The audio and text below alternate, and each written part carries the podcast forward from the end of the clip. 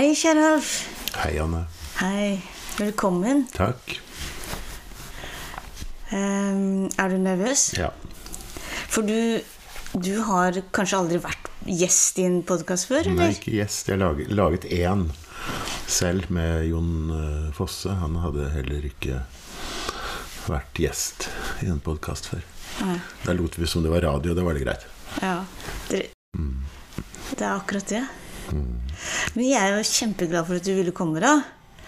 Ja, jeg har jo utsatt det litt, da. Men nå har jeg sagt ja. Men uh, hva gjør at du har utsatt det litt? Jeg syns jeg hadde en tung uh, høst, som sikkert mange andre hadde òg. Ja. Så sa jeg ja i et sånt litt uh, overstadig øyeblikk i januar. ja. Det angrer jeg på nå, da. Ja. Det er jo greit. Men nå er du her. Og da begynner jeg sånn, Alf, med det jeg pleier å gjøre. Og det er sånn som vi også pleier å gjøre når vi har kveldsmat. For det er jo det jeg har sagt til deg, at vi, har jo, vi er jo kanskje de Du er jo kanskje den jeg mest har de beste kveldsmatene sammen med, da. Det kan vi komme litt tilbake til. Men det er jo uendelig mange kveldsmatmåltider vi har hatt øh, gjennom tidene. Men da begynner jeg bare å spørre liksom, hva har du gjort i dag? Det er 9. mars, øh, dagen etter kvinnedagen. Nei, jeg sto opp og hørte på nyheter og Politisk kvarter. Og så gjorde jeg meg klar til å begynne å jobbe klokka ni. Um, sånn som jeg pleier. Og så ble jeg sittende og høre på radio, sånn som jeg ofte også gjør. Da. Det var det programmet som heter Ekko, som snakket om eh, Eller hadde første innslaget, da, halvtimes tid, om eh, den ortodokse kirkens betydning for krigen mot Ukraina. Russlands krig, angrepskrig mot Ukraina. Og da spisset jeg ører fordi jeg eh, hørte om dette første gang for eh, tre år siden, vel, i Tiblisi i Georgia. Jeg møtte en amerikansk ortodoks, tidligere ortodoks eh, prest fra New York som fortalte om det ulykksalige skisma som hadde skjedd i den ortodokse kirken fordi den ukrainske kirken ønsket å være selvstendig fra den russisk-ortodokse. Altså et brudd i den enhetlige, gamle ortodokse kirken. Og ikke nok med det, men uh, patriark, eller erkebiskopen i Konstantinopel, Bartolomeos, som er en veldig oppegående intellektuell, eh, han eh, tok parti med Ukraina mot den mektige russisk-ortodokse patriark Kiril. Putins eh, nærmeste åndelige veileder. Så det er altså blitt et brudd i den orto ortodokse kirken. og dette har jo kanskje beredet noe av den sånn ideologiske grunnen da, som Putin kan bruke i det som nå skjer. Men det er en god del av de ortodokse kristne i Ukraina som ikke har brutt med den russiske kirken, men som fortsatt er med i den russiske kirken, selv om de er ukrainere.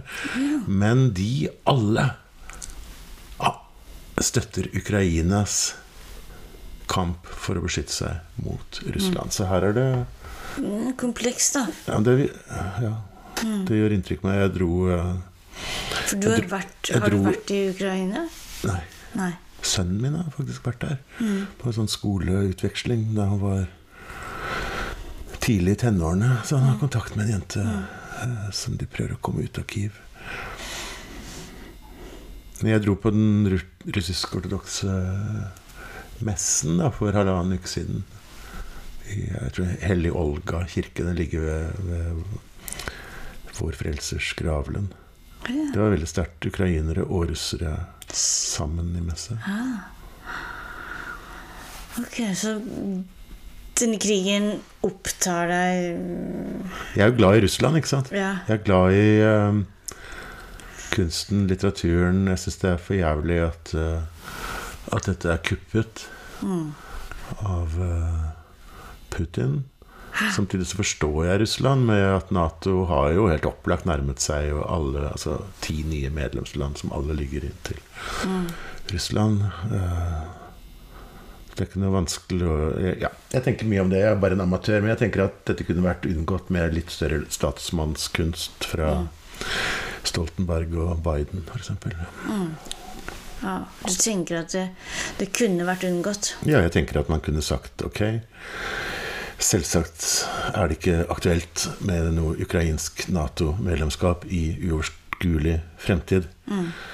Ukraina er et nøytralt land og kan forbli sånn i uoverskuelig fremtid. Istedenfor å insistere på ethvert lands rett til å bestemme hvor man ønsker å plassere seg sikkerhetspolitisk. Det er klart det var en sterk provokasjon. Og alle Vi vet at uh, hele den russiske kulturen startet i Kiev på slutten av 900-tallet med Vladimir.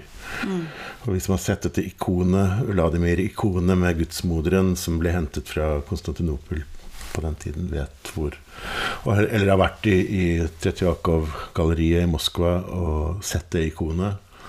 De har nå bygget et eget, en egen kirke for ett bilde fra det museet. Ved siden av museet.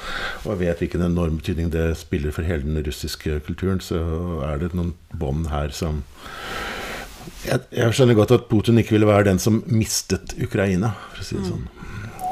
Du forstår det? Jeg forstår det perspektivet, samtidig som det er helt grotesk det han gjør nå. Og, så du hører på radio og Ekko? Altfor mye. Jeg, jeg, jeg gjør alt mulig annet i stedet for å jobbe. Ja, fordi du, du skulle jobbe? Var det sånn? Ja, Eller- selvfølgelig. Jeg satt, Ja. ja. Hva, hva, kan jeg spørre hva du jobber, jobber, skal jobbe med nå? Eller i dag? Eller hva Ja, du skulle eller skal jobbe med i Ja, dag? ja. Nei, jeg har så vidt rukket å jobbe litt. Men det var med to manuskripter. da Et, øh, To bøker som jeg holder på med. Ja. En, øh, en, øh, en bok som jeg utsetter. og Det er en, en, som er en viktig bok. Da. Det er en norsk billedkunstner som heter Bjørn Ransve. Som jeg har nesten et ferdig manuskript med. da. En samtalememoar. ja. Som sånn samme serien som med Solstad og Susanne Brøgger og Ja, forskjellige. ja, Ja. Den ble avbrutt nesten et år, så det er vanskelig å komme inn i. Mm. Men så satt jeg og hørte faktisk, eller leste noe intervju med deg Oi! til en annen bok som jeg holder på med. Det var et gammelt intervju som vi gjorde i 2000, og faktisk helt tilbake til 2014. Hørte du på det? Eller jeg satt og skrev det på det, da. Mm. Jeg skrev, jo, jeg satt og skrev ut opptaket. Ja, så jeg hørte Mm. på det. ja. Ja, fordi eh, Fordi du har jo Det er du som har pleid å ta med deg båndopptaker når vi Opptaker når vi Ja. to har møtt noen ganger? Ja. Ja. ja. Ok. Men hvordan var det å høre på helt sånn Jeg syns jeg hørtes ganske manisk ut. Mhm. Du hørtes klok ut, sånn som du pleier. Ok? Men det som var fint og spesielt, var jo at vi snakket om gamle dager og vår liksom første Første intense øh, møter da i et kristent miljø. Ja. Det var noen fine episoder du fortalte meg der, bl.a. fra Gulsvik jernbanestasjon med noen jernbanesviller, og vi gikk av toget der. Og jeg Ja. sa noe til deg som du aldri hadde glemt. Nei. Husker du hva det var? Jeg husker det. Fordi at eh, du, du Altså, jeg har jo vi, vi kan snakke litt mer om dette med dagen i dag, men jeg er veldig eh, opptatt av hvordan vi blir kjent og, og møtet vårt og sånn. Fordi vi du, du er jo en av mine eldste venner, og faktisk en av mine beste venner. Det er liksom sånn Det å ha el, eldre venner, og samtidig at de er så gode som det jeg opplever at det vi er, uten at det har vært en enkel prosess eller enkel reise, men så opplever jeg at vi, vi dro til Hallingdal, var det det? Ja, det heter vel det. Gulsvik, i hvert fall forbi Nesbyen. Og Nesbyen, ja, oppover. Hallingdal, ja. Mm. ja. Og, og du, du hadde nærmest lovet meg at jeg skulle få møte Den hellige ånd. For det var jo det som skjedde på det de, Møte Ja, at Den hellige ånd skulle komme over meg, da. Bli fylt. Bli fylt. Det er det som er Er uttrykket. ikke det? Ja, jeg tror det er det. som- Ikke møte, nei. Du hadde ikke laget sånn manager. Du var ikke Ikke manager. noe sånn følelse, ikke noe sånn in persona, for den ånden er jo litt mer sånn Ja, utflytende. ja, men jeg var jo veldig gira på det. Det var derfor jeg ble med på den turen. Ja. Fordi at jeg skulle bli fylt av Den hellige ånd. Ja. Da var jo du For det var jo jeg. Du var jo allerede fylt Ja. og karismatisk. eh, Og, og sånn, og så satt vi der og giret oss opp, da. Oppover i dalen. Jeg Det var en leir, altså en kristen, Ja, det var en kristen leir, ungdom, ungdomsleir. Ja. Og mm, jeg husker det veldig godt, for jeg kjente jo ingen andre enn deg. Og du hadde tatt med meg dit da. Mm, Da husker jeg veldig godt at da vi gikk av, så sa du Men, men Anne, du, du må ikke bli skuffet hvis det er sånn at Den hellige ånd ikke vil eh, akkurat deg. Husker du du sa det? ja, for Den hellige ånd, den kommer og går som Den vil. kommer og går som den vil. Så jeg var ikke sånn at jeg kunne Det plutselig forvente meg at det ordna seg. Nei. Nei, men Var ikke det litt fint, da? At jeg Jo, jeg, men jeg opplevde det som veldig omsorg. Så ikke jeg skulle bli så skuffet. Hvis ikke det skjedde. Ja. Hvilket det jo heller sikkert ikke gjorde. eller? Nei, det skjedde jo ikke. Nei, det var jo mer sånn Ok. Åh. Ja. Men jeg, Men kanskje det var et tegn på en sånn gryende tvil hos meg også? Ja. At uh, Ja. Det har jeg tenkt på i ettertid. At, uh, at jeg, jeg var jo genuint i tvil. Der, altså, ja. Du begynte å tvile på, på Ja. Mm. Nei, for jeg, jeg Jeg har bare skrevet opp ett stikkord til i dag. Og det er trøffelhund. Fordi at jeg har sånn opplevelse av deg at du har alltid vært en sånn trøffelhund i mitt liv. Hva betyr Du det? har, det betyr at du har klart å sniffe deg frem til, lukte deg frem til og vise meg ja, altså eh, faktisk Og det, dette mener jeg veldig alvorlig. Altså at du har eh, altså Fra musikk, litteratur, eh, åndelighet eh, og nå i de senere tid ekstra mye mat og vin. Altså det, det er liksom akkurat som Jeg har jo ikke jeg har jo ikke jeg har jo, På en eller annen måte så har du hatt en eller annen teft for Altså jeg, min enfoldighet Jeg har alltid vært litt sånn Jeg syns alt er greit. Men, men denne kvalitet, eller den sulten, eller den søken, eller ikke minst sånn Tenker jeg i, i, i den, den første tiden liksom, Dette med åndelighet, Det var en slags åndelig veiviser. Vi var jo to hærførere. Vi var jo Jesus for Sjusjøen, eller hva, hva, hva var det vi kalte det? Aksjon kristen påske. Ja. AKP Og da gikk vi på ski. Eh, ikke sant? på Sjusjøen. På Sjusjøen. Og delte ut sånne løpe... Løpesedler og Husker du hva som sto? Jesus lever. Lever du? Ja. altså, ja, jeg rødmer nesten, jeg, men det er greit, det. Jeg, Jeg tror en vi kjenner som eh, Kari hadde tegnet veldig fine tegninger. Veldig fine tegninger. ja. Og dette delte vi ut. Vi gikk i skiløpet, og vi hadde det jo utrolig sterkt og vi- inderlig. Ja, jeg tror ikke vi blir sett på som sånne ra veldig radikaliserte. Jeg tror det mer så på som litt sånn ja, søte ungdommer. Tenåringer. Mm, tenåringer. Litt underlige, kanskje. Sikkert. Men uh, iallfall så var jo det en sånn aksjon da som vi hadde. Men Men, men når du sa det at men du har alltid syntes at ting alltid er greit, du, sa du. jeg har tenkt det. Ja.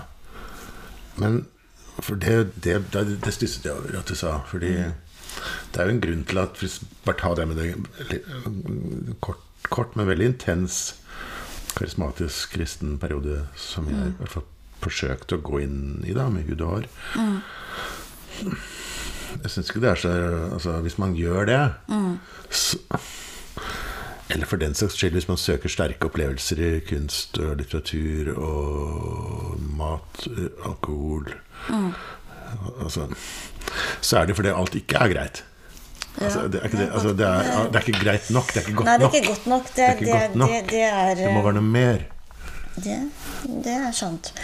Det, det er nok sant. Og det har vært, tror jeg, vært min Det merker jeg når du sier altså, det, det, var derfor eh, Det var derfor vi ville ha, eh, ha noe større. Ja. Høyere. Høyere, dypere, sterkere. Jo, jeg tror det, men jeg tror også at øh, Jeg tror at jeg har vært tilgjengelig på den måten at det er alltid mer, det er sterkere, det er rikere. Men jeg har ikke funnet kildene på den måten som Jeg tenker jo det at det er du som har introdusert meg. Jeg dikt, fikk jo diktbøker av Tor Ulven i posten. ikke sant? Jeg fikk jo billetter til musikk som jeg ikke forsto noe på. Altså?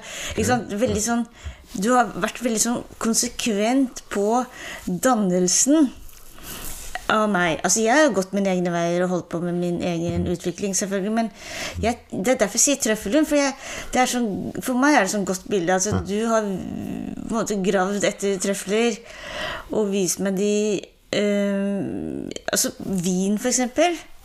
Altså, der er det jo et enormt område. Jeg husker en gang at Altså Min første sånn litt, eh, hvis jeg skal være litt sånn personlig, liksom litt orgastiske opplevelse med vin Med vin, ja. Ja. ja. Ikke med deg, men med vin. Så er jo det eh, litt sånn Jeg hadde laget tomatsuppe. For den gangen var vi, var vi mer på supper og det er, Tomat er vanskelig med vin. Tomatsuppe, ja, ja, men da hadde du med deg en portugisisk vin. Ja, de funker, vet du. Ja, Du er fornøyd med det valget? Og da, altså, da var det sånn akkurat som noe løsnet. Altså, jeg begynte ikke å gråte, men, men på samme måte som altså, Wow! Det var en gammel Garafeira, helt sikkert, det da. Det var en Dao. Ja, det var en Garafeira. Ja, og da var det bare sånn Hva Er det mulig at noe kan gjøre sånn at jeg smelter innvendig? Smaksmessig? Hmm. Men, jeg, men jeg tenker det med å dele um, jo, altså, jeg har alltid tenkt at vi er på helt sånn på lik linje med ting. Det har jeg alltid tenkt. Man deler noe, da man, og da er man helt på lik linje når man mm. møter det. Så jeg har, jeg har, faktisk ikke tenkt på meg som en som er en sånn type veiviser for noen. I hvert fall ikke for deg. Fordi jeg tenkte at du er, vi er liksom går sammen. Man møtes da, inn i det. Så det overrasker meg litt at du lager dette litt sånn enkle bildet av deg selv som en sånn Nei, ja, men det er helt uh, reelt, fordi at Jeg har sett på deg som en veldig klok person. Ja, men det, det tenker jeg også. Det. men det er noe annet Og som kan sette klok. meg på plass, eller du kan si ifra, eller som, ja. som jeg kan søke råd til, særlig når ting Når det har vært kriser, og det har det jo vært fra omtrent Eh, den på 80-tallet allerede. Så at vi har hatt intense Du har vært en god rådgiver, altså sånne ting. Det har jo vært, ja. Sånn sett har jo jeg kanskje fått mer ut av deg enn du har fått ut av meg. Ja, men det er forskjellige ting. Det er det jeg prøver å si. Jeg står veldig for at jeg um, står i det jeg har, og an, mine anskuelser og sånn. Men det jeg snakker om, er jo til forfattere, mm. til musikk ikke sant, Goldenberg-variasjonen. Så du har hele tiden fòret meg. Hør på dette, les dette, hør på dette. Ikke sant? Altså på en eller annen måte, parallelt med min utvikling og det jeg holdt på med, hatt en slags sånn kulturell dannelse. da. Og det er jo det du har fortsatt med, for det er jo det, du, det, er jo det som er jobben din i dag. Du, du har jo holdt på med det i, i alle år, å vise frem eh, kunst og kultur, musikk og, og, og, og, de tingene. sånn at det er jo liksom det jeg mener når jeg sier eh, trøffelhund, da. Mm, mm. Jeg, jeg, tror det er at det er, det er jo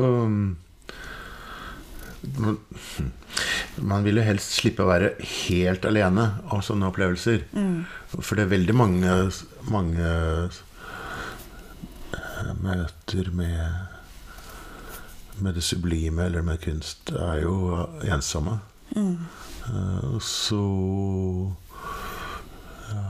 der har nok jeg vært en sånn ja, karismatisk evangelist eller mm. manisk eller jeg vet ikke. Altså, ah, 'Se på dette! Kom og se!' på dette! Smak ja. på dette! Ja, ja, ja, at man vil Dette har jeg opplevd. Dette vil jeg dele. Og det syns jeg, hvis jeg skal tenke på at eh, noen, noen gode og fine egenskaper med mitt liv med, Eller med min personlighet eller min mm. legning, så må det vel være det, da. At jeg mm. gjerne vil ikke bare dele, men jeg vil gjerne liksom Og jeg kan bli veldig skuffet da, hvis ikke ja. det blir tatt imot. Ja. Ja. Nei, men det er jo det, det, er jo det jeg tenker på. Jeg har, altså jeg har bokhyllene fylle yes. av, av, av, bøker, diktsamlinger, sånne eh, kilder, ulike kilder. Du har, du har sendt meg CD-er. Alt dette her. Som har vært en sånn eh, viktig Nei, men Akkurat sånn som da du ville at jeg skulle bli fylt av Den hellige ånd. da Det var du som ville. Var det jeg som ville? Ja, jeg tror det var du Ja, men som det, ville. det var du som var i det miljøet. Det, Jo, det, ja, det må du huske. ja. Det er det jeg prøver å si hele tiden. At du har vært i disse miljøene først. Og så har du trukket meg inn i det. Jeg beklager akkurat på det, i det tilfellet. Eh, Gjorde det noe stor skade, eller hvordan, hva tenker du om det, forresten? Ja, jeg tenker at jeg er Jeg er Det var jo litt konservativt, kanskje? På Det var veldig konservativt, og det var veldig eh, Jeg kom aldri inn i det fellesskapet. Ja. Eh, Så sånn sett så ble det en liksom forsterking av en ensom type ensomhet. Men, men at jeg var veldig villig til å prøve, og du snakket jo veldig varmt. Og det er jo det som er med deg, du snakker jo veldig varmt om de menneskene som du øh, vil Ja, vil liksom Men jeg tenker vi skal gå tilbake litt til den dagen i dag, fordi det var radioen. Og så videre, da, Alf. Ja, nei, altså så eh, Ja, så jobbet jeg til klokka elleve, kanskje, bare, da. Og så Ti til elleve. Ja, halv ti til elleve, halv tolv, da. Ja. Så måtte jeg dra for å kjøpe inn eh, mat da, til deg. Ja. Så, så, Det, det tok så tid. så jeg pleier, du betaler, men jeg kjøper. Ja. Ja. Og gå ned i vinkjelleren og hente opp mitt bidrag, da. Ja. Uh, da dro jeg ut til Vinneren. Altså, det er ikke så langt fra Nordberg hvor jeg bor, da. Uh, mm. uh, og hentet uh, sjøkreps hos eh, Stian, heter han. Jeg hva han heter i etternavn, men det og en entusiastisk og veldig dyktig eh, fiskehandler, da. Som jeg ble kjent med eh, da han kom hjem til Kjell Askildsen med mange kilo levende sjøkreps. Da, som, da var jeg liksom kokk, da, for jeg tror det var et nyttårsselskap hvor Kjell og hans nå da enke Gina Gjertsen lagde fest for oktoberforfatterne. Dag Solstad og Edvard Hoem og Espen Håvarsson. og- Med ektefeller eh, og flere. Så det var også veldig fint, fordi han øh, husker altså, bli, Det er fint å liksom bli kjent igjen og Hei, hvordan går det med Gina? Og, øh, Det er ikke så mange jeg vet ikke hvordan du har det, men det, men det er ikke så mange butikker øh, i hovedstaden som jeg har en sånn føler at det blir tatt imot Nei. en som kjenner meg. Og ja, så dro jeg hjem. Så jobbet jeg litt til. Ja, Så måtte jeg et annet sted og hente estragon og ingefær og fersk hvitløk og bagetter og, og sånn. Og så hadde jeg en avtale om å reise ut til Holmlia for å hjelpe mo moren min, som er 83 år gammel og bor der. Ja. Hente medisiner. Faste medisiner for henne. Så litt ambivalent til eh, det, men det gjorde jeg. Mm. Tok med datteren min på besøk. ja. Og så kom du hit, da, etter hvert, eller? Ja, ja, det kjørte jeg eh, hjemom. Det, så det har gått litt i ett, ja. Ja, det har gått litt i ett. Mm, det var det. For det vi har spist, da, eh, det er jo de eh, det, det, For nå har vi lagt oss til en ganske litt sånn Hva skal jeg si Litt uh, vulgær Nei, vane. ikke vulgær. Dekadent kan du muligens okay, si. Eller kost, si kostbar. Eller, Kostbar. Men ikke vulgær. Nei, ok, det er ikke vulgært. Men det er jo litt sånn at vi på en onsdag uh, kveld har nå spist uh, sjøkreps. Jo, jo. Og, og, og, og jeg, bare så, Første gang du serverte meg det Og det er litt sånn trøffelhuden igjen. Liksom, jeg, hadde, jeg har bare spist sånne seigkokte sjøkreps i, i kjøledisker. ikke sant? Så serverer Som for du- øvrig koster det samme da, per ja. kilo. Det liksom, ja, okay. ja. Og så bare serverer du meg det for første gang. Så tenker jeg dette er mitt siste måltid. Dette skal jeg ha som mitt siste måltid. For dette er det beste jeg noen gang har spist. Ja. Så Sånn det er helt fullkomment i forhold til min smaksgane, da. Det er jo fordi jeg opplevde Dette opplevde jeg selv da, for første gang. Ja. For ikke så mange år siden, kanskje 20 20 år siden. Da. Ja, det er en del år siden, da. Jo, men jeg var jo nærmere 40 år, da. okay. Sammen med min far, som jo er fra Sørlandet, fra Farsund. Ja. Eh, og vi har jo som barn, da, i barndommen, så har jo jeg vært med å ta blåskjell og krabber. Blåskjell og krabber, og, og, og fisk, naturligvis, da. Men sjøkreps har aldri vært, øh, øh, innenfor- vært noe som har fått der nede. Men vi var da en gang og spiste eh, på det som heter restaurant Solsiden i Oslo. Og da bestilte vi gratinerte sjøkreps. Og, og det var da en eller annen sånn utrolig deilig smørsaus. da. Og, så, og vi, vi var helt over oss begge to da. Han Ja. sier 'godt sies', og 'himmel og hav'. Ja.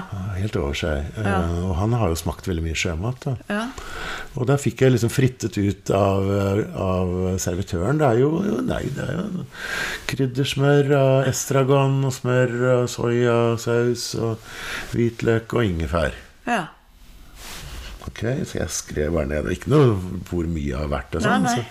Så, begynte jeg bare å eksperimentere med den blandingen. eh. Så det gjelder jo da å kjøpe kreps som ikke er kokt. Mm. Eller bare så glasskokt, eh, heter det vel. Altså kokt i ti sekunder så du dør. Men, men i prinsippet er rå, da. ikke sant? Mm, Og så deler vi de to og hiver på denne eh, rause smør, smør, smørblandingen. Som er meget raus, ja. jo, jo. Og så har vi litt uh, loff Ja. ved siden av for å suge opp den sausen. Ja.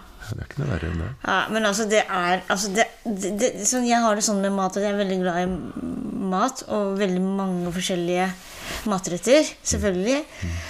Eh, men med årene så er det litt sånn at jeg Å, i dag har jeg lyst på fårikål. Og så lager jeg fårikål, så er jeg akkurat som minnet av fårikål er sterkere enn gleden over smaken. er så jeg, jeg har kommet i, i, i, i et sted i livet mitt hvor minnene jeg kan, jeg kan fantasere sant, om nostalgiske retter eh, og, og sånn, og så hver gang så synker det litt sånn Ja, ja, så godt var det ikke. Skjønner du? Og det, det, er, eh, det er en slags sånn Jeg tenker ja, det er livets Nå, nå, er, nå er jeg der i livet. At, eh, at minnene smaksminnene er sterkere enn faktisk opplevelsen. Men det er det. Til nå har sjøkreps aldri tapt seg i forhold til sånn som jeg husker minnet. Altså, det er bare sånn oh, bedre og bedre for Ja, det hver gang. topper seg litt hver gang. Det topper seg hver gang. For nå har vi gjort dette fire-fem ganger. Ja, det var beste, aller beste dag, for jeg fikk en sånn utrolig letthet over seg i dag. Ikke Mm. for mye av noe. Og kanskje krepp og det, er, det er jo helt fantastiske rå, råvarer akkurat nå, Ja. da, på denne tiden av Ja, året. ja. Så, men jeg, jeg syns at noen retter har det sånn er sånn fortsatt enkle retter sånn, For eksempel hva da? Ja, nå nettopp. Nå er det jo ikke, nå er det midt på vinteren, men allikevel så fikk jeg tak i noen ok eh, eh, tomater, da. Eh, Små tomater. Og så lot jeg de bare ligge i sola liksom ute eh, hjemme, da. Sol, i, I vinduet. Og kjøpte bøffel mozzarella og basilikum og en god eh, balsamico eh, eddik og en god olivenolje og lagde caprese-salat, ikke sant? Eh, Grønt og basilikum oppå. Grønt, okay. grønt hvitt og, og rødt, da. Italia. Ja. Uh, det Fy søren. Altså. Det var det. Ja, ja. Mm. Sammen kan det være nå på den tiden av året med sånn en fransk løksuppe, f.eks. Ja, som du bare den, lar den, den, den er jeg enig i. den, klarer den den, sødmen som liksom kommer fram Den der. står, Så kan du drikke, en, Mm. eh, drikke litt sånn amonti, amontillado eller oloroso sherry ved siden av. Ja, nei, men det akkurat øh, kraft, eller sånn kraftig kok på, på kraft eller ben eller sånne ting, det er jeg enig i. Men ellers så er jeg mm, stort sett litt skuffet over at det ikke smaker så godt som jeg husker det. For jeg har en sånn enorm hukommelse, det vet du jo. Ja, det er kanskje Jeg har jo ingen hukommelse, så det er kanskje Det blir like overrasket hver gang. Like positivt overrasket hver gang. Ja, nei, for jeg har jo en, eh, en, eh, en hukommelse som er så knyttet til sanser og relasjoner. Ikke til fakta, eller til sånn, men, men til eh, til eh, smak og til relasjoner og til samtaler. Jeg kan jo gi deg masse, men det skal vi ikke gjøre nå. Men, men et sånn innblikk i, i, i våre minner. Jeg husker eksempel Jeg, jeg kan si ett minne, for eksempel. Som, som du kanskje ikke husker, men hvordan du spiste skolebrød fra kantina. Husker du de skolebrødene fra kantina vår på Brumunddal videregående skole? Nå må jeg gjette. Lot jeg da det gule spiste, Så spiste jeg rundt, lot det gule være igjen til slutt? Nei, det, var ikke det det handlet om. Det var ikke det det. systemiske eller systematiske, men det var bare den Altså, jeg ser det for meg Jeg ser deg for meg i en slags sånn, litt sånn lysegul boblejakke Okay, i solen.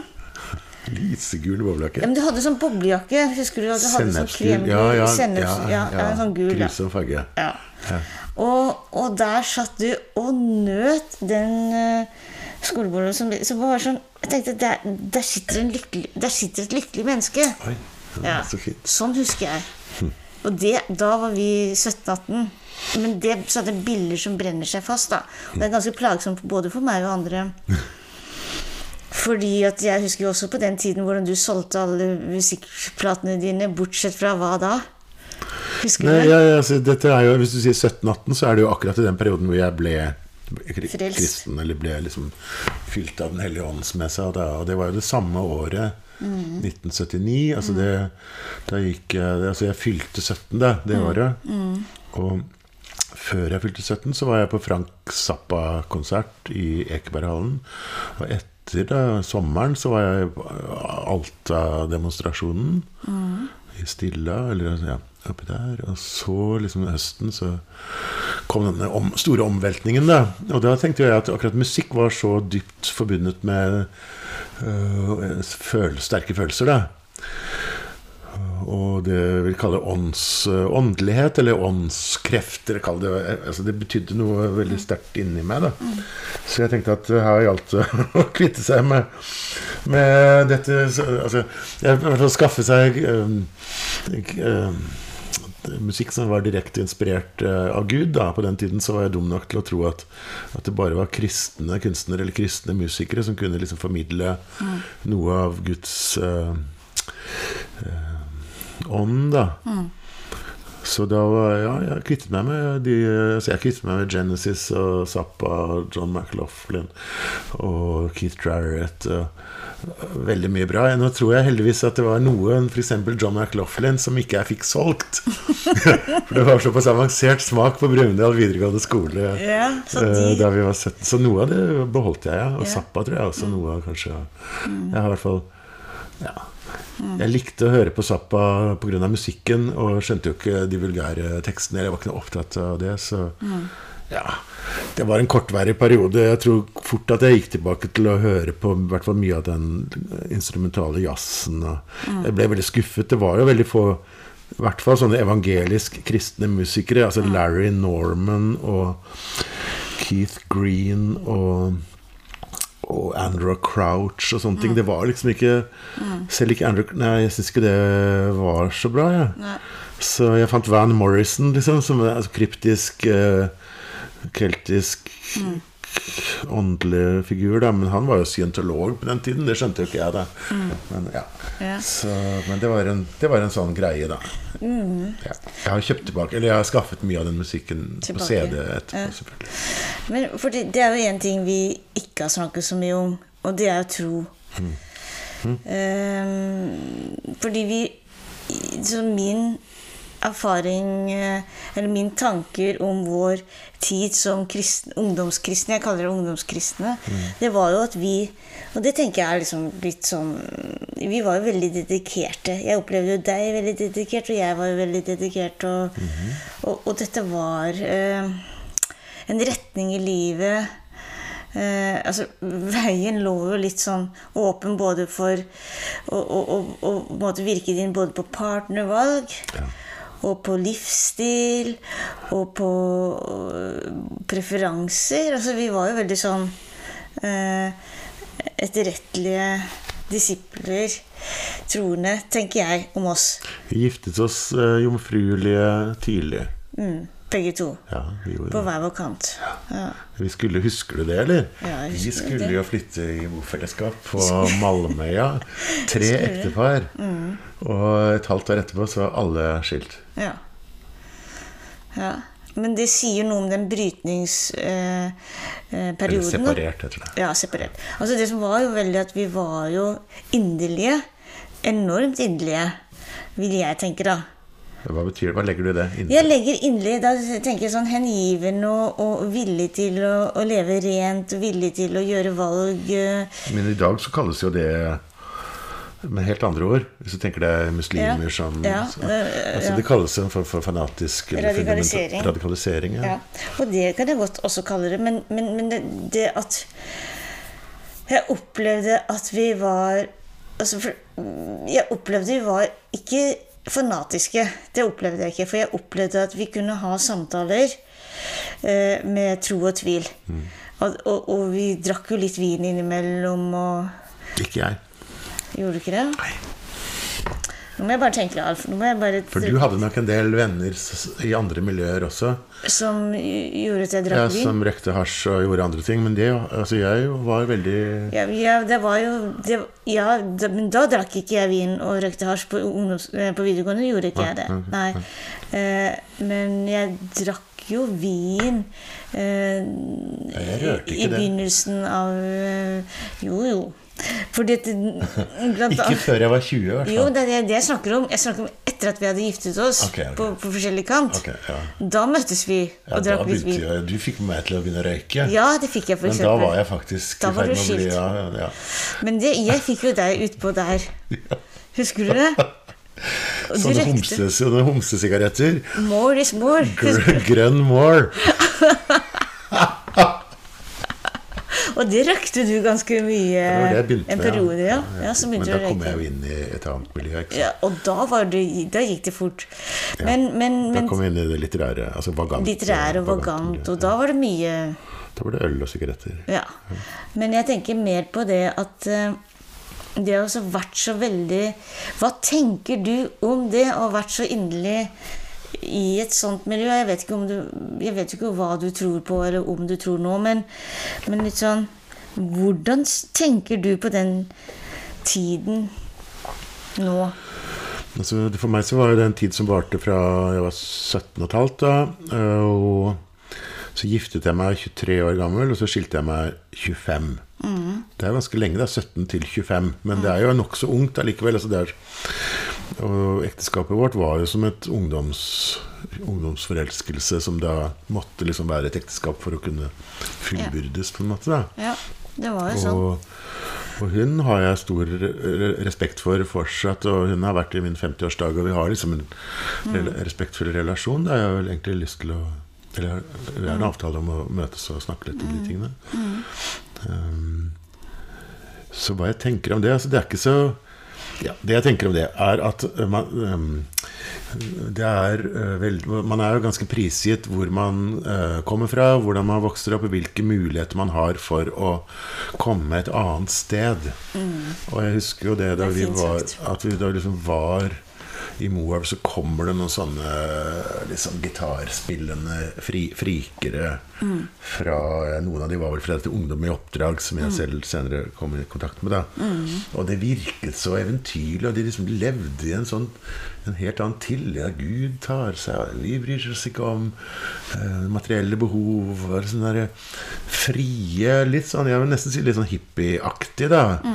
60-talls Så jeg var sånn ti år for seint for å egentlig, Det var liksom punken som holdt på da vi Men det merket jo ikke jeg noe til. Altså, jeg var mye mer sånn Jeg hørte på musikk også som var ti år eldre. På en måte, da.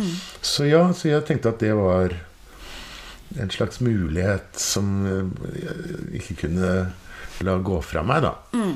Så det var ikke noe tvil om Og jeg begynte jo Dette pleier jeg aldri å snakke om offentlig, men jeg ble jo Jeg bestemte meg da for å gå på denne bibelskolen til ungdom i oppdrag, som det da het, utenpå Ottestad.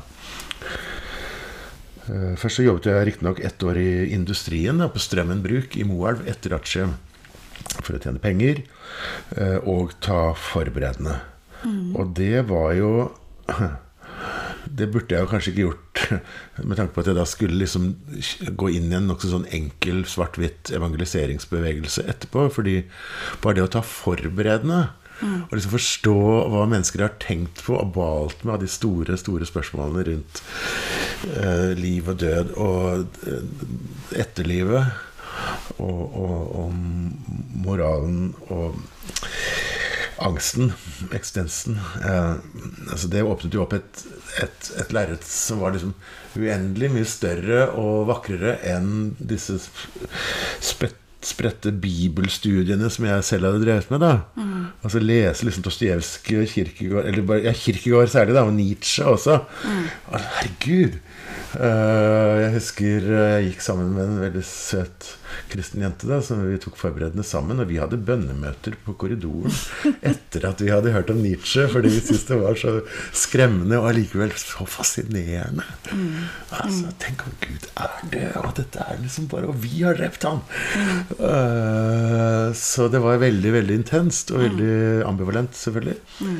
Og så reiste jeg da rundt i Europa i tre måneder tre-fire måneder haiket rundt i hele Europa. Mm. Uh, før jeg begynte i Ungdom i oppdrag. Mm. Uh, og da fikk jeg i hvert fall møte liksom europeisk kultur og masse mennesker og kvinner. Og, alt. og da var det nok litt alkohol inne i bildet. Og, og, ja, da hadde du begynt litt. Ja, eller da var det i hvert fall et helt annet liv. Et større, større, rikere ja, ja. liv som åpnet seg. Og så skal jeg tilbake til en sånn trang så da var nok jeg i opposisjon på mange måter, i hvert fall internt, da, ganske mm. tidlig der. Samtidig som det var noen veldig fine ledere som var der. En av de er jo domprost i Oslo i, dag. Så, mm. så, så, det var mye bra folk der. Mm. Men uh, jeg var Ja. Jeg, jeg, søkte meg nok ganske tidlig mot en mye mer sånn så heter det, sosialetisk kristen mm. forståelse av kristendommen. da. Og fra den tiden der så har jo vi brevskrevet eh, brev, Hva heter det? Skrevet mange brev. Brevutveksling. Mm. Eh, og de brevene har jo du. Ja, de har jeg ikke sett på, gitt. Nei. Og, og, det, det, må jeg snart gjøre, men jeg vet ikke om jeg Ja, det, er, det må jo ingenting. Men, men, jeg tenker jo at det er jo en sånn for din egen del, og, og, og, også for min egen del, så tenker jeg at det er jo det det, den, det rommet vi hadde der for tvil og tro mm. Altså fordi at sant, Sånn som du var i Ungdom og Oppdrag, og jeg giftet meg med en teolog og, altså Ting var jo veldig sånn På en måte litt sånn dogmatisk og tilrettelagt. Men jeg opplevde at sammen med deg i de brevene kunne vi skrive om tvil. Og om, om på en eller annen måte alle de andre eh, erfaringene som på en måte eh, for, både forstyrret og spilte inn i det Altså, vi hadde en eller annen sånn fasade. Jeg husker at du bl.a. var veldig opptatt Det var på den tiden du begynte å bli veldig opptatt av øh, europeisk kultur, musikk, Bach Altså, du, du spilte inn mange flere eh, kilder. Mm. Ja, jeg husker i hvert fall at uh, Altså, det, jeg, skal, jeg, jeg, skal, virkelig se på de brevene, for det, det med tvil Det derre Altså, det Det er jo populært å snakke om tvil. Mm. Og jeg har jo lurt på hvorfor jeg på en måte falt ut av kristendommen, da. Mm. For det gjorde jeg jo. Du, du, du tenker det? Ja, I praksis gjorde jeg i hvert fall det. Ja. Eh, men det tror jeg var fordi jeg skilte meg, fordi jeg gikk fra hun jeg hadde giftet meg med, og lovt liksom foran Gud. Så da tenkte jeg at nå har jeg, nå har jeg på en måte forbrytt forbrutt meg, eller nå har jeg Du kan ikke liksom både gå til alters etter du har på en måte sveket og gått fra mm. en som har hjertet sitt knust, da. Mm. Det tenkte jeg nok. Og så var det veldig beleilig, for da kom jo den Da begynte jeg å studere litteraturvitenskap, og så startet vi rett og slett da Altså samme høsten, da, det året jeg ble skilt, gikk, mm. så startet vi opp redaksjonen i det tidsskriftet Vagant høsten ja, 87. Og det kom det første nummeret i 88, da, januar, eller våren 88. Og det var nok for meg en Eller jeg kan godt Ja. For meg så var det nok det på en måte like alvorlig, da. Altså litteraturen, Da oppdaget jeg jo Jon Fosse, for eksempel. Og Tor Ulven. Og Kjell Askildsen. Og Og også og jeg ble på en måte like fana ikke fanatisk, men like lidenskapelig opptatt av styrken da, i kraften i deres språk, som var det bibelske språket. Tror jeg, vil si det. Eller, jeg tenkte at dette er jo hellig. Jeg tror ordet hellig, da, det er jo så det ble Og det vil jeg gjerne forsvare, det vil jeg gjerne utbre, det vil jeg gjerne dele. Det, vil jeg, Ja. ja. ja. det tror jeg også Vagant ble jo da på veldig kort tid en sånn kjempe Fikk en kjempestor utbredelse. En altså, I i løpet av et par år så var det, hadde det større opplag enn Vinduet. Litteraturtidsskriftet Vinduet.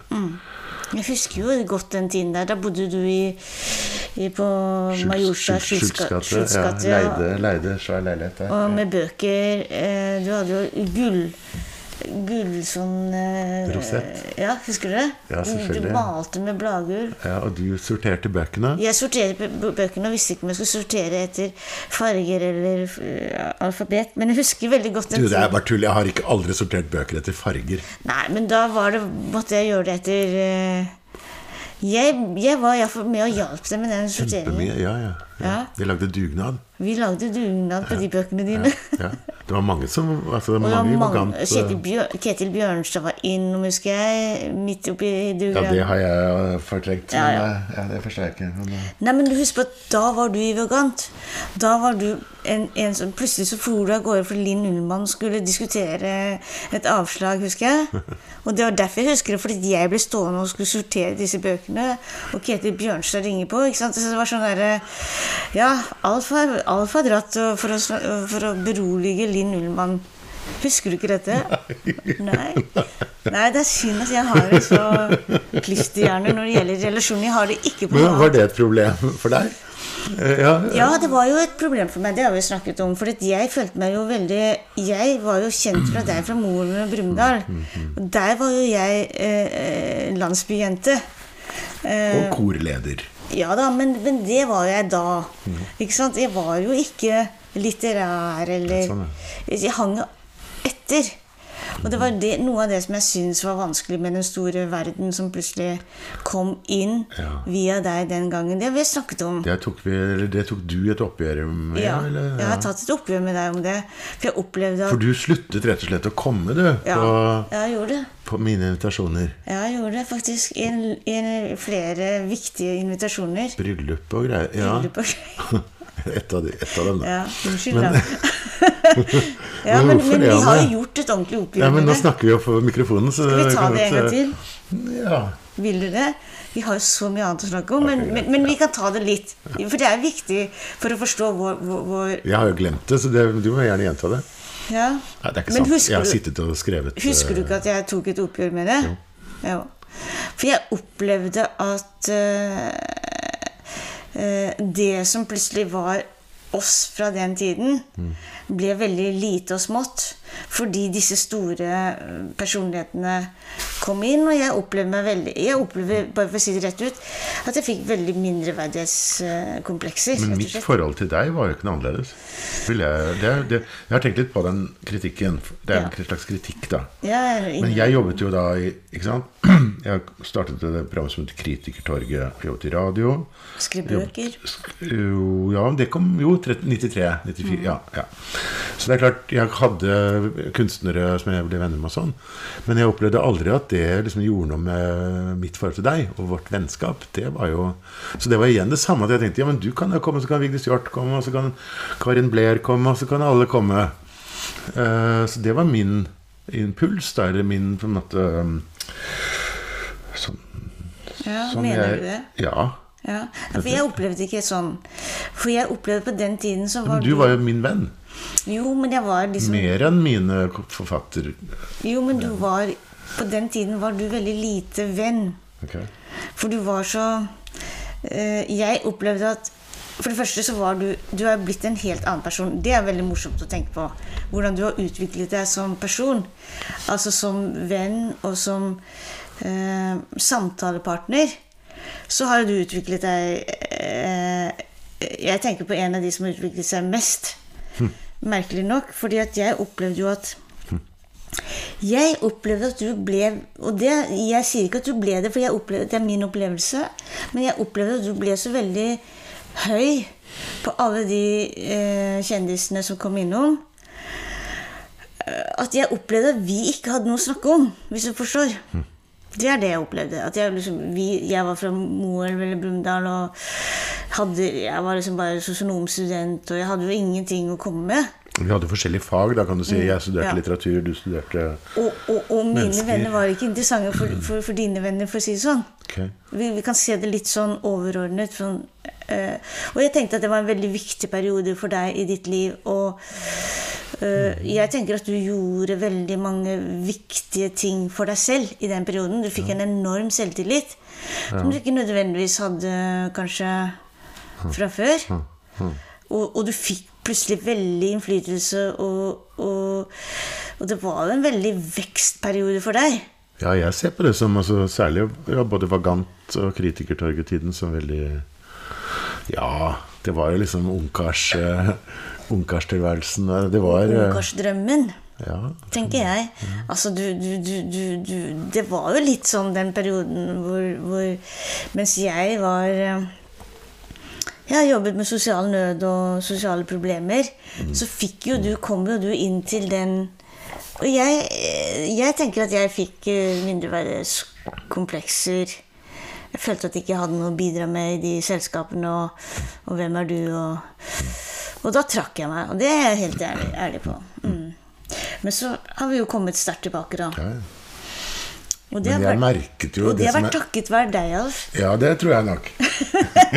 For du har stått på, du har ikke gitt deg. Nei, nei, jeg vil jo gjerne ha deg som en nær, nær venn. Mm. Men jeg har nok ikke opplevd på samme måte at det ble borte. Nei. Og der har du meg litt, da. Ja.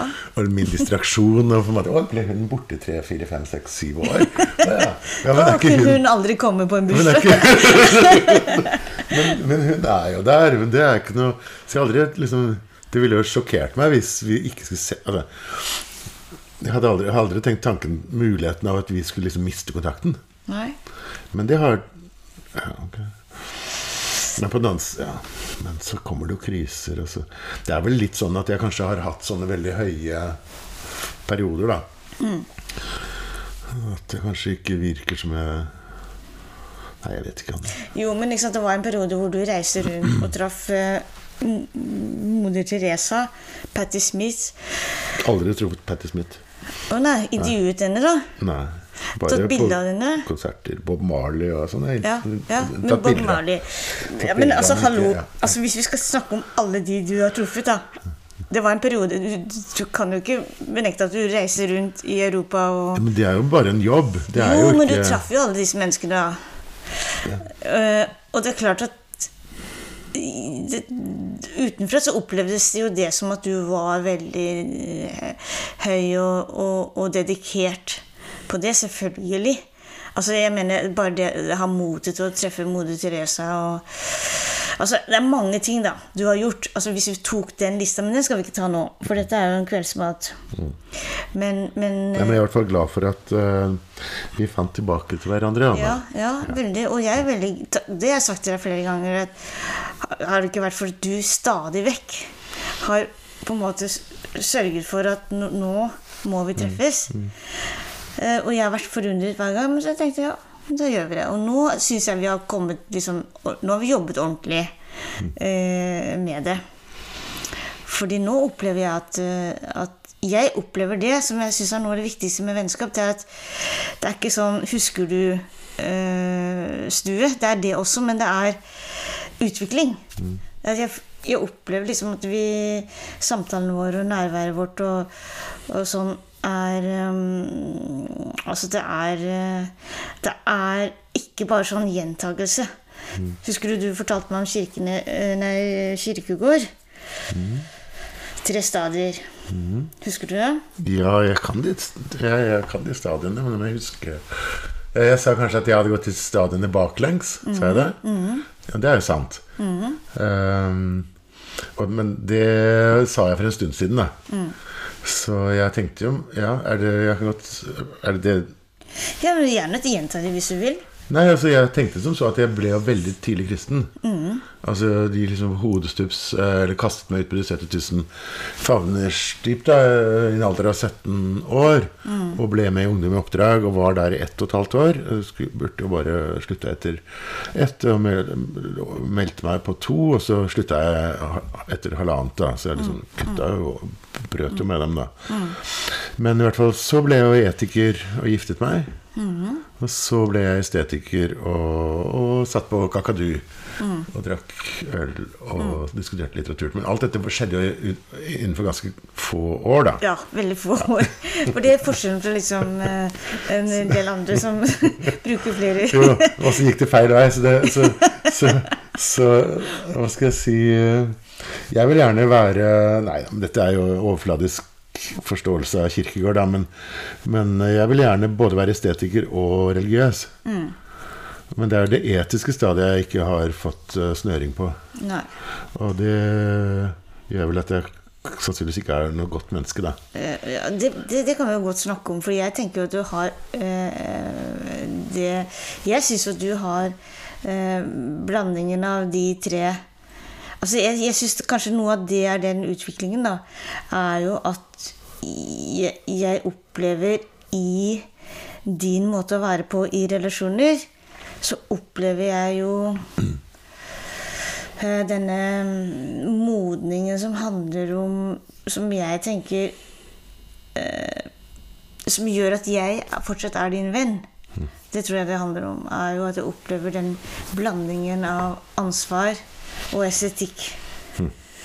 Eh, jo, men jeg, jeg opplever at Jeg vet ikke om hvis jeg blir veldig syk, eller hvis ting skjer i livet mitt, vet ikke om du praktisk kommer til å stille opp, men jeg vet at du etisk, altså i sinnelaget ditt, er veldig til stede i de du bryr deg om.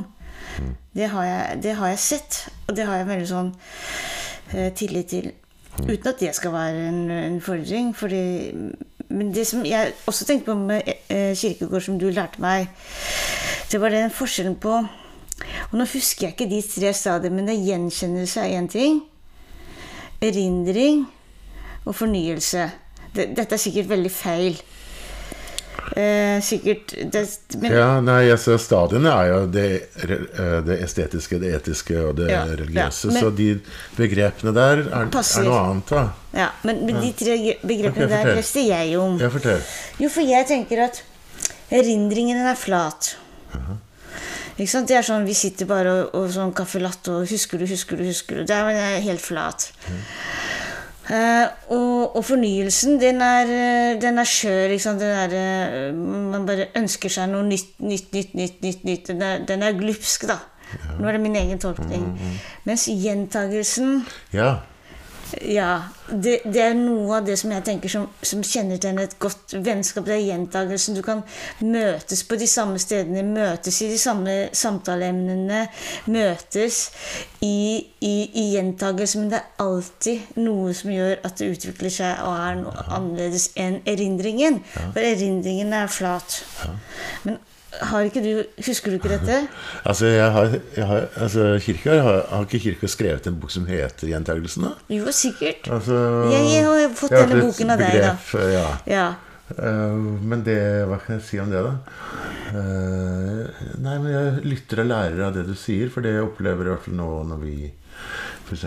står og lager mat nå, da. Mm. det, det er jo et ganske godt eksempel, egentlig. fordi så skulle vi ikke snakke for mye fordi vi skulle ikke snakke oss tomme før denne samtalen.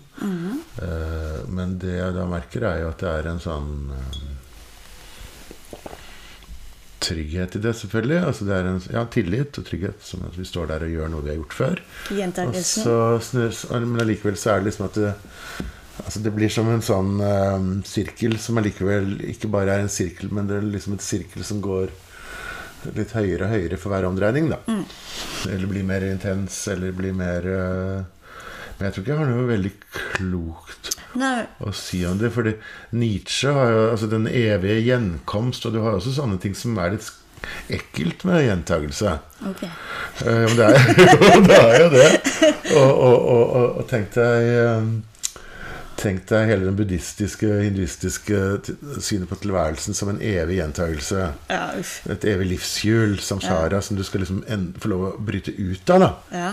Og bli opplyst og komme til nirvana. Ja. Eh, For å slippe den gjentagelsen. Så nå bare assosierer jeg helt fritt her. Jeg har nok vært redd for hverdag. Og sånn sett redd for hverdagslige rutiner. Og jeg syns egentlig Nå har jeg jo klart å oppdra tre barn sånn, som deltidspappa. Eller hva, ja, hva heter det for noe? Jo, deltidspappa. Og, men jeg er fortsatt uh, ikke så Jeg er ikke, så, jeg er ikke best på, på torsdager. Sånn. Hva, hva tenker du på da? Jeg syns det er deilig å ikke ha en 9-4-jobb lenger, f.eks. Mm. samtidig som jeg syns det er krevende. For det er ganske lett, særlig i vår tid med med eh, YouTube og kanaler. Og det er så utrolig mye å fylle tiden med. Men nå føler jeg at jeg snakker meg litt ut på viddene. Nei, det er, det er, jeg, jeg tenker at det, det som, som, som på en måte var mitt utgangspunkt, var jo det at eh, At vennskap er litt sånn i gjentagelsens Det er mulig at jeg har feil begrep, men jeg tenker at det, det at vi gjør det samme, men at det skjer noe nytt. Ja. Akkurat som Det du sa. jeg. Det er Ja. Det Det, er det, det var det jeg mente. Det kjenner jeg meg igjen. Ja, det var det jeg mente med, med vårt vennskap. Og det er ikke så mange jeg har det med. Nei. Bare det jeg sa det da jeg satt der Eller sto på kjøkkenbenken din liksom skar opp eh, hvitløk og sånn. At det var liksom Oi, her er det godt å stå. Her jeg har stått før. Sånn, eh, altså, Det var veldig fint. Men jeg, det er jo flere ting jeg har lyst til å snakke med deg om. Og, og vi må jo snakke om den vinen vi har drukket i dag. Du, du er jo den som trøffelhunden. Altså, jeg har jo drukket viner sammen med deg som jeg ikke har drukket sammen med noen andre. Og, og du, du Når jeg skal erte deg, så sier jeg at du kan godt komme på et glass vin, men da blir det boksvin. Og da kommer det alltid Men jeg tar med meg noe. For det er visst det verste jeg kan si da. Men, eh, men, eh, men hva har vi drukket i dag? Og si litt om den vinen. Og så skal vi gå litt videre på noe som jeg er veldig opptatt av etterpå. Mm. Men jeg syns ikke det er så mye å si om den. Denne vinen tror jeg man får faktisk på polet. Ok, Men du kan jo si druen og Ja, ja. ja, ja. Men altså, før så har vi jo drukket veldig sjeldne viner. Ja, fortell. Ja, men da har vi drukket eh, Grand Cru, uh, Burgund, uh, ja. Charlemagne. Vi har drukket gamle, gamle Barolo-viner fra 60-tallet. Tenk 60-tallet. Ja. Uh, og, men dette er altså en eh, chardonnay som hvis du hadde fått den blindt, så ville du trodd at den var fra Burgund. Altså sentral-Burgund. Altså s- eh, Chassagne, Manraché, Pouligny eller uh, Merceau.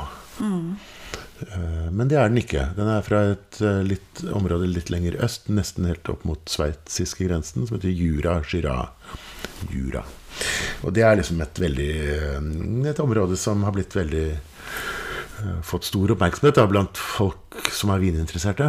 Fordi det er like bra som Burgund, så er det halve prisen.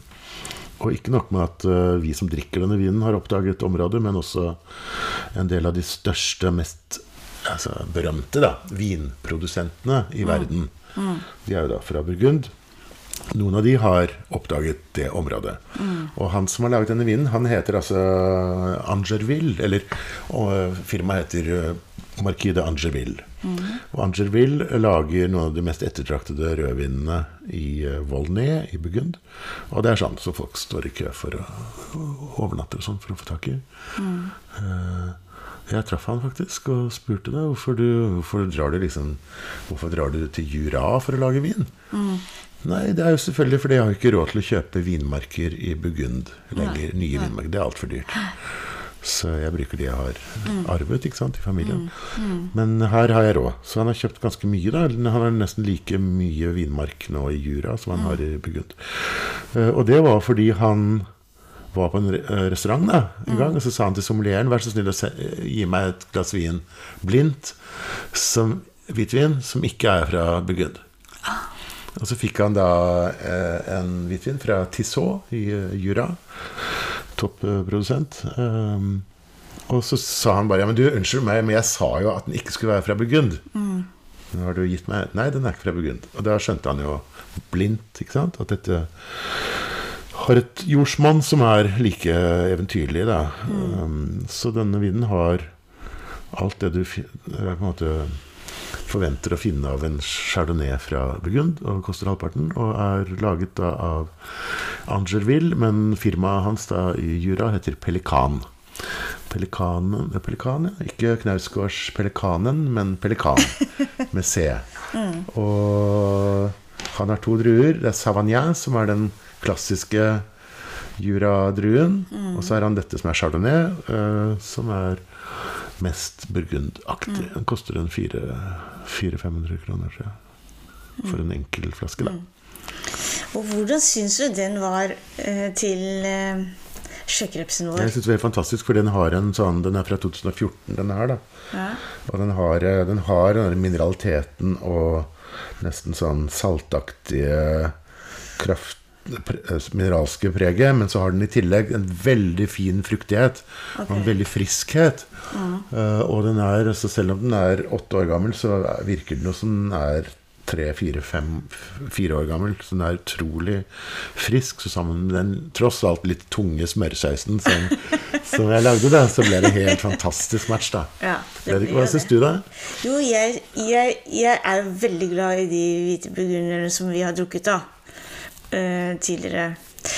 Eh, fordi de, den har en litt mer tyngde enn den vi, vi drakk i dag. Tror du det? Er du enig i det? Ja, ja. Ja. I hvert fall Grand Cru. Ja, ja. Og det er jo det, det, det er, Jeg syns jo det er et måltid i seg selv. Så sånn sett så syns jeg kanskje den var litt uh, lett. Jeg vil alltid Mitt smaksminne vil jo alltid lengte tilbake til den vi drakk. Um, uh, men Det var en Courtois Charlemagne. Det husker jeg. Jeg har ja, en til. Ja. Og jeg vil alltid lengte tilbake til den uh, kombinasjonen.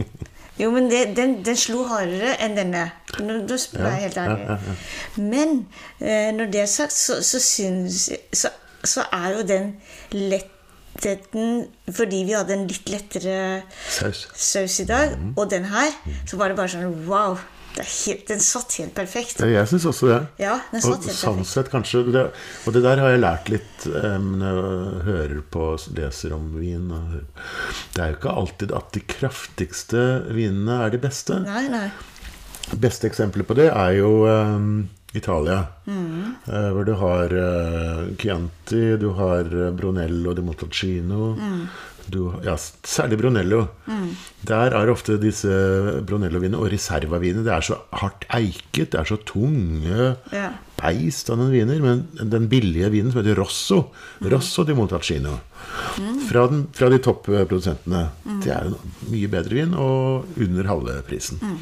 Så det der har jeg lært litt om, syns jeg selv. Og jeg syns vel også at jeg er veldig glad i eh, vindistrikt Beaujolais.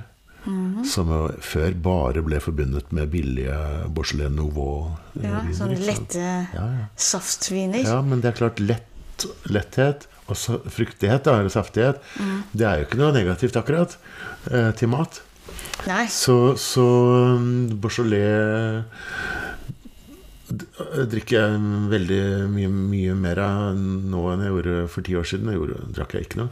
Nei. Og jeg har vært i området der. Og det er jo noen av de beste naturvinprodusentene i verden eh, befinner seg jo der. Så det, der skjer det utrolig spennende ting. Så ja, det er mye å si om det. Men Jura er også et eksempel på at det er utenfor kanskje de dyreste eh, områdene da, at det skjer mest spennende ting. Fordi i Burgund nå så er jo prisene blitt helt sinnssyke på de dyre På, de, på Premier og Grand Cru. Ja. Så det kan man nesten bare glemme. Ja. Men der er jeg enig med hun Merete Bø som sier at, i Dagens Næringsliv, som sier at eh, i Burgund så er det ikke vinmarken det kommer an på, men det er produsenten. Hvem som lager vinen.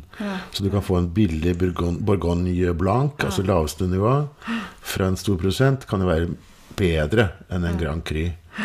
Til seks ganger så høy pris fra en dårlig produsent. Så det er morsomt. Det er morsomt. Ja, det var nerdepratet. Ja, nei, jeg, jeg liker jo det at du, du snakker nerdete om vin. Eh, Men bare sånn, merk deg hva jeg sa, at det er Jeg, jeg holdt på å besvime igjen nummer to den gangen vi drakk den eh, Jeg vet ikke hva den heter engang. Ja, jeg, Jeg sa den heter Cortot Charlemagne. Å ja. ja. Det var bare helt Altså, de, var- det, alt av mine sånne nervesignaler og sånn, det sprakte i hjernen. For så godt var det. Men, det- men det er greit. Men Jeg tror faktisk Det er muligheter. jeg, tror, jeg, jeg tror det er riktig. Mar, han Mark eh, Zuckerberg, Facebook, Mm. han har kjøpt uh, vinmark der. Er Som investeringsobjekt. Så vi er liksom på, det er der vi har havnet nå. ikke sant? det er ikke noe der. morsomt lenger. Nei, da er det ikke morsomt lenger. Så det er en del av de Det er ikke morsomt lenger. Jeg er helt enig. Men altså, for, for meg som ikke har bakgrunnskunnskapen, Og bare oppleve begeistringen det, det synes jeg, jeg syns akkurat det er veldig det. Men min begeistring er nok vel så stor for denne. Ja, men så fint. Det er veldig bra. Men Alf, eh, dette året 2022 fyller vi begge to 60. Mhm. Ja, vi gjør jo det. Er ikke du et år yngre enn meg? Nei, jeg er jo 62. Ja. Eh, hva tenker du om det? 60 år, hvis jeg sier sånn 60? Du er 60? Ja, jeg har feiret Jeg har feiret eh, 30-årsdagen min, stor fest. 40-årsdagen, stor fest. 50-årsdagen, stor fest. Men jeg har alltid tenkt i ettertid at det har alltid vært noen sånne kriser forbundet med, med de feiringene. 30 husker jeg ikke helt. Hva, det var vel Nei, det var faktisk ingen krise. Det var en slags sånn storhetstid. det var jo det. Vagant og kritikertog og skyldskatt. Ja, det var din storhetstid. Ja, Ja, ja, det var nok det. Og så 40, da var det en skilsmisse. ja, da var jeg der, faktisk.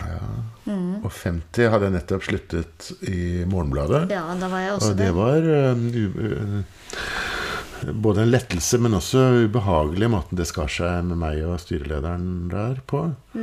Så det var også sånn Så jeg tenkte at ja vel, hvis jeg skal lage 60-årstegn, så blir det vel et eller annet som skjer da òg.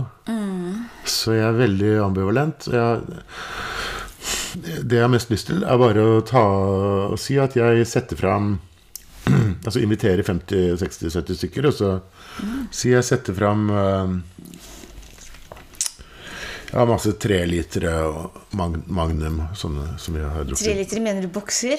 Nei, Oh, nei, dobbel magnum. Nei, selvfølgelig mener jeg ikke det. Ok. Dobbel magnum, da. Å ja, ok. Ja. Eller magnum. Ok. Jeg har noen 3,78 liter også, gamle italienske ok, flasker. Ja. Uh, sånn, sette en sånn 20-30 sånne flasker da, bare rundt omkring. Ah. Og så kan folk komme og drikke seg fulle Okay. og ha det hyggelig. Ja. Men så er det det med mat, da. Mm. Og så har jeg råd til Jeg råd til. Kan man be folk om å ta med mat? Mm. I, ikke i vår alder. Jo, Det jo, blir for for du, dumt. for man kan jo det. Men, men, men det, det fins Så jeg har lyst til å bare invitere folk hjem. Ja. Og ikke ha noe sånn Ikke ha det på et Ikke sted. ute, og ikke noe taler og ikke noe Det er litt sånn som 50-årsdagen din, Ja, da. for der var det opplegg. Der var det festkomité, Ja, og det det var var, det var litt strengt. De var jo litt strenge, festkomiteen. Ja, det var det kanskje. Ja. Det var hvem som skulle få lov til å snakke og ikke. Og... Fikk ikke du snakke? Nei. Hva?! For det hadde jeg gjort i 40-årsdagen. Ja, ja, det vet jeg vel. Der ser du. Men det er samme det. Men det er ikke det jeg mener. Men vi tenker om Ja, men vi tenker, vi tenker på det nå. Men jeg tenker mer på sånn Det med mat. Jo, det, folk kan ta med seg mat. Hvis du holder vin, så kan folk ta med seg mat. Og det er veldig enkelt å arrangere. Det er salater, ikke sant. Salater og, og sånne ting, da. Så, altså det er det man gjør i utlandet. Man, da, da er det ikke sånn tunge middager eller varme Men det er sånn for å ikke bli full. Da er det til vinen. Det er vinen som er hoved... eh, ja. Men eh, det tenker jeg Det kan ordne seg. Men, men hva vil du med det? Det, um, nei, ja, det har jeg tenkt litt på, faktisk. Fordi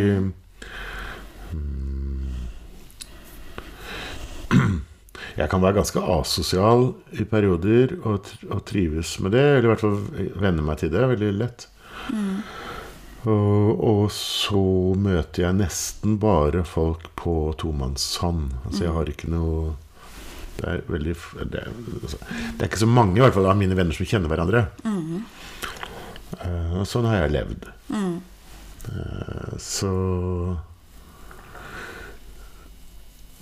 Men jeg tenker at hvis jeg skulle lage det, så er det for å si til de jeg inviterer men dere betyr noe for meg. Jeg vil gjerne at, bare vise at at dere Jeg ser på dere som en liksom del av livet mitt. Og at kanskje dere ville hatt glede av å møte noen av de andre fine folka som jeg kjenner. Og det er jo Stort sett så vil jo det bli veldig fint. Altså det skal godt gjøres at det blir mislykket. Um,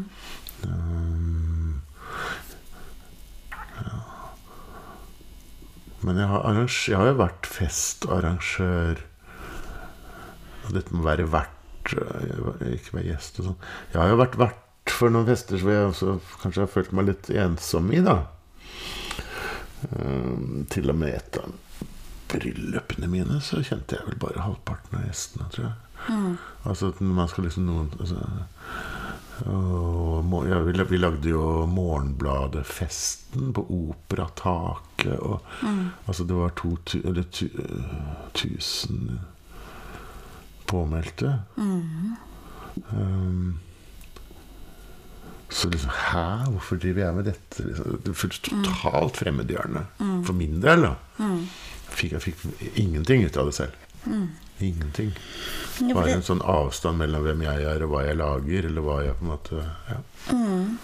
For, for det er det jeg lurer litt på i livet ditt. Eh, og på en sånn bursdag eller sånne Altså fordi du, du, du på, en, på den ene siden så kjenner du jo alle de det er verdt å kjenne. Altså bekjentskap innenfor litteraturverdenen. Du jo, har jo et enormt nettverk. Altså Bare tenk på alle de samtalebøkene du har tatt. Eh, intervjuene, podkasten med Fosse som den eneste. Altså, du har, altså, hvis jeg skulle begynt sånn, så, så kunne vi sittet resten av kvelden og, og ramse opp alle de du, du har møtt, og som på en måte har en relasjon til deg. Så Sonja, da. Bare ta det siste. eh, Dronningen.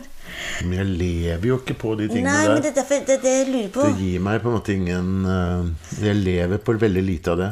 Ja, det gjør det? Ja. Ja, ja. Men for det er det jeg lurer på nå, når det kommer til Fordi jeg kan jo gå på en litteraturfestival og liksom føle at jeg ikke kjenner noen. Så det er veldig altså det, jeg, vet at du har sagt dette mange ganger til meg. Fordi vi har jo også, da du, da du debuterte som forfatter nå i 2014 Stemmer? så var vi på en litteraturfestival, husker jeg, på, nede på Youngstorget der. Og vi satt utenfor der, og jeg kunne si at det, det er den, og det er den, og det er den. Og du følte deg totalt på en måte øh, ja, usynlig, eller altså du kjente ingen, da. Og at du opplevde som en veldig kontrast mellom den du er som terapeut, ikke sant? hvor du har ditt miljø, hvor du faktisk har en ganske fremstående posisjon, da, og får mye anerkjennelse, og den på en måte litenheten som du følte i det litterære. Jeg, eh, jeg vet Altså, jeg må bare si at jeg, veld, jeg har veldig lav sosial intelligens. Og jeg vet veldig lite om hvilken eventuelle virkning jeg har når jeg går inn i et rom. Dessverre så skjønte jeg ikke alltid det like godt heller som sjefredaktør eksempel, i, i en avis. Altså, Jeg skjønner ikke at jeg kan At det er så viktig hva jeg sier. Så, så, så det, er et, det er nok en diskrepans her. Ja. Og, og den er jeg lydhør for. For- den kan jeg forstå. Og, og, og, og samtidig kan jeg tenke Koketterer du Forstår du hva jeg mener? Jeg, jeg forstår det. At det er en diskrepans i opplevelsen, men samtidig så lurer jeg på Altså F.eks. på en sånn øh, 60-årsdag da, som er liksom 70-årsdagen, den kan vi ikke regne med. Vi kan jo ikke regne med at vi er der vi vil være da. Men 60, da kan vi fortsatt skinne litt, da. Tror du ikke det? Det er ikke så mange måneder til. Men 70-årsdagen har ikke jeg noe håp til, da, for å si det sånn. Men, men 60-årsdagen litt sånn eh, Ja, men da står vi frem i livet, og her er vi, og dette er mitt liv. Litt Det blir jo litt sånn når du er 60, Alf. Jeg skal lage bok om dette, jeg, da. Ja, jeg det. intervjuer folk. Jeg tenker at- Dette er mitt liv. Ja, eller, altså, ja, eller i hvert fall intervjue mennesker. Ja, du er jo godt i gang med det. Ja. Ja. Og det skal, blir den lansert til 60? Nei, selvfølgelig blir den ikke det. Nei, Nei, du rekker ikke det. nei, nei, Nei, men, men uansett, forstår du hva jeg mener med det der? At, Nei, jeg forstår ikke Nei, nå skal jeg prøve å forklare det, da. Fordi at jeg tenker at uh, det å så være Altså, møte så mange kjendiser som det du Da mener jeg litterære og musikalske kjendiser. Men det er jo innenfor én definert setting. Ja. Jeg sitter ned og er veldig godt forberedt. Og får folk til å tror jeg nok føle seg ganske vel, da. Sånn at de kan snakke bra Altså det blir bra intervjuer, da. Ja, for nå snakker vi om Det, men det er jo en ren, ja, men det er en ren intervjumetode. Og det er jo ikke sånn at jeg kan gå ut av det rommet og på en måte sånn en uke etterpå gjenoppta no, no, tilnærmelsesvis den samme intimiteten eller fortroligheten eller den så, så jeg blir litt sånn flakkende i blikket ofte når jeg Ja, møter folk okay. etterpå. Så du opplever at det er eh, liksom jobb, profesjonalitet Nei, det er jo ekte, et ekte møte, men det er ikke mulig å gjenta det. Nei, men, men for eksempel, da. La oss ta de samtalebøkene du har. Ja. Solstad. Eh, er han en venn? Vil han bli bedt på 60-årsdagen? Altså, jeg var jo faktisk jeg ble, Nå blir det bare nå, nå sier du at jeg koketterer. Nei, jeg gjør ikke Men det. jeg ble Jeg var på hans åtteårsdag, da. Mm -hmm. I eh, Drammensveien. Det var Aschehoug. Ja, ja, ja. Hadde dekket på. Og så ble jeg faen meg plassert på bordet hans, da. Ja. Vis-à-vis han. Det det si. På seksmannsbord. Mhm. Altså, da Da forsto jeg absolutt ingenting. Nei. Men jeg har jo men jeg, jeg har, ikke, jeg har ikke vært venn med Solstad, vil jeg si, etterpå. Vi har snakket sammen. Og, men til hans 80-årsdag så dro jeg faktisk ned til han og Therese Bjørneboe. Altså, jeg har jo vært venn, men jeg har ikke vært praktiserende venn, da. Forstår du hva jeg mener? Altså, okay. um, Nei. Men, men så så, så den, den jeg har hatt litt kontakt med, er jo Kjell Askildsen. På hans veldig gamle dager. Men det er jo takket være hans hustru som har trukket meg og min kjæreste inn. ikke sant? Og, og vi har møttes og laget middager og ja. gjort ting. Det er liksom pleiet et, et Ja, men jeg synes faktisk Jeg blir sjenert av det. At jeg har vært så tett på. Jeg blir sjenert av å ha kommet så tett på folk, og det tror jeg de er litt med meg òg. Ah, ja. Og det, det ble sånn Ok, det var da. Det er litt sånn Ikke bondeanger, men det er litt sånn. Ja.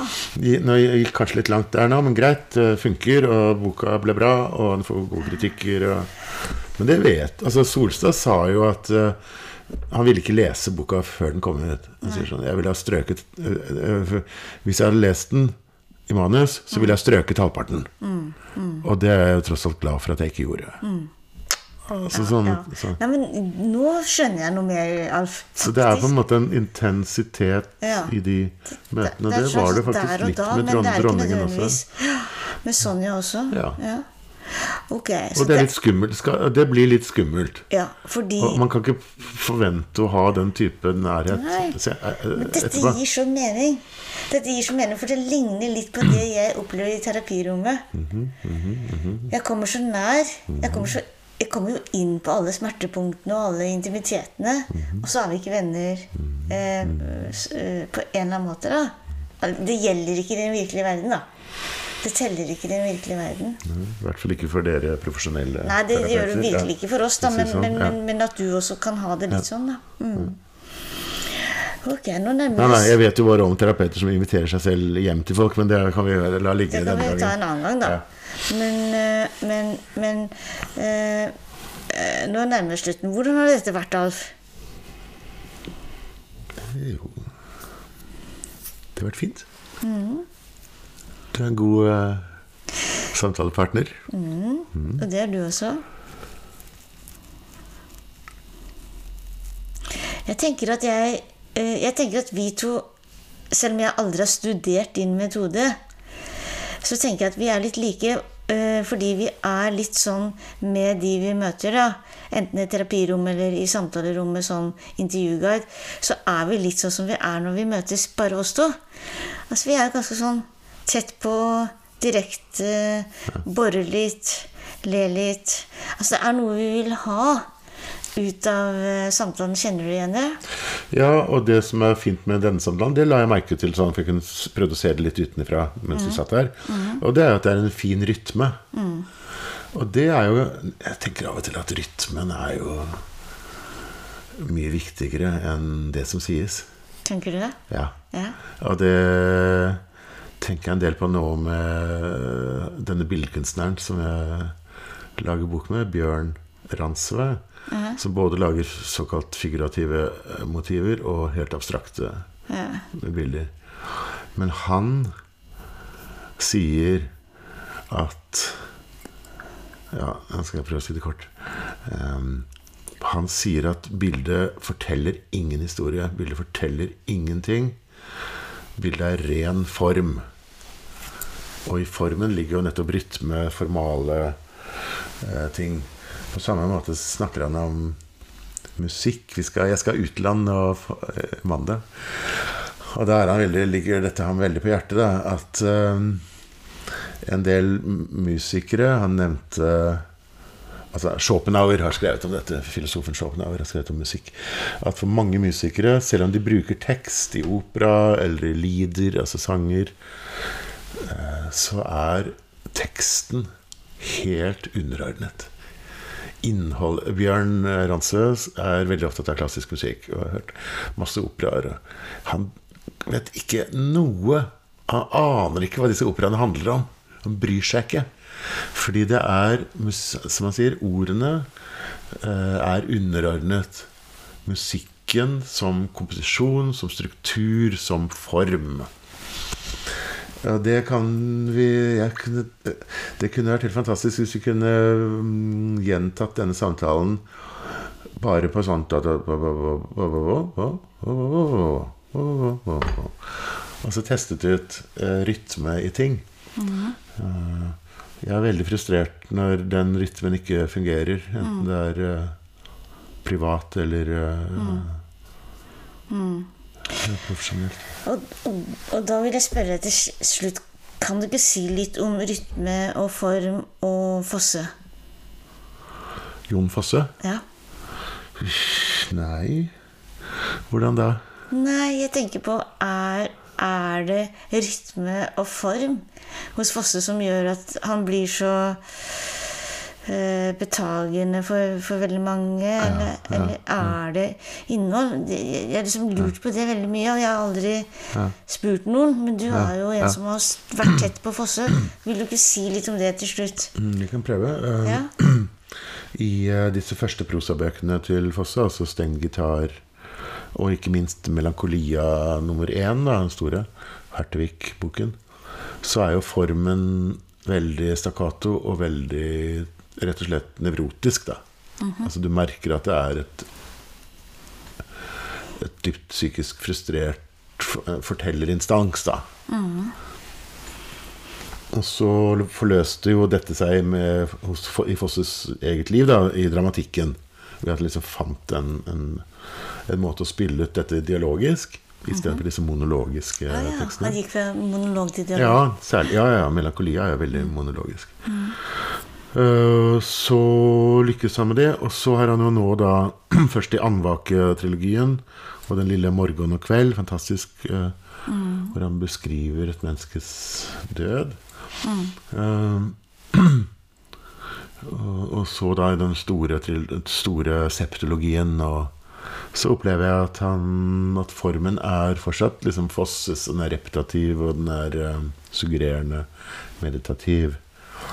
Men den er forsonet på en helt annen måte. Den er ikke Det, er jo, det handler jo om forferdelige ting.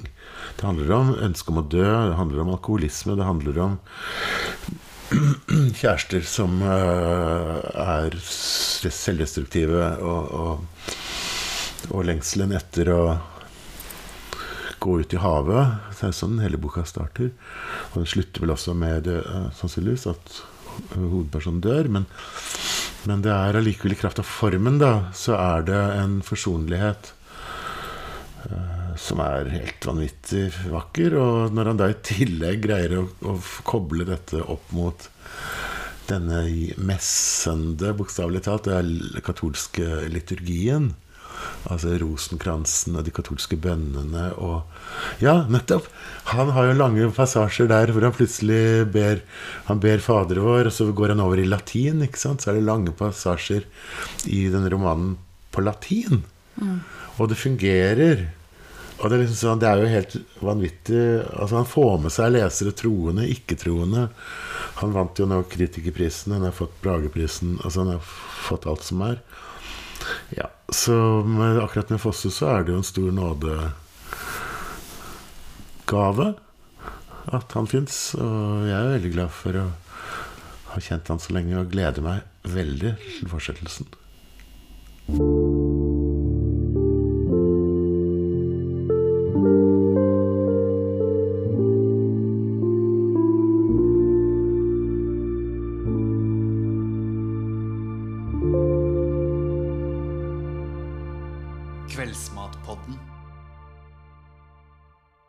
Takk for at du hørte på Kveldsmatpodden. Den er laget av Anne Øfsti i samarbeid med Forfatterskolens rektor, Kristine Storli Henningsen. Musikk av Torjus Hepsø Gullvåg. Følg oss gjerne på Facebook og Instagram, hashtag Kveldsmatpodden.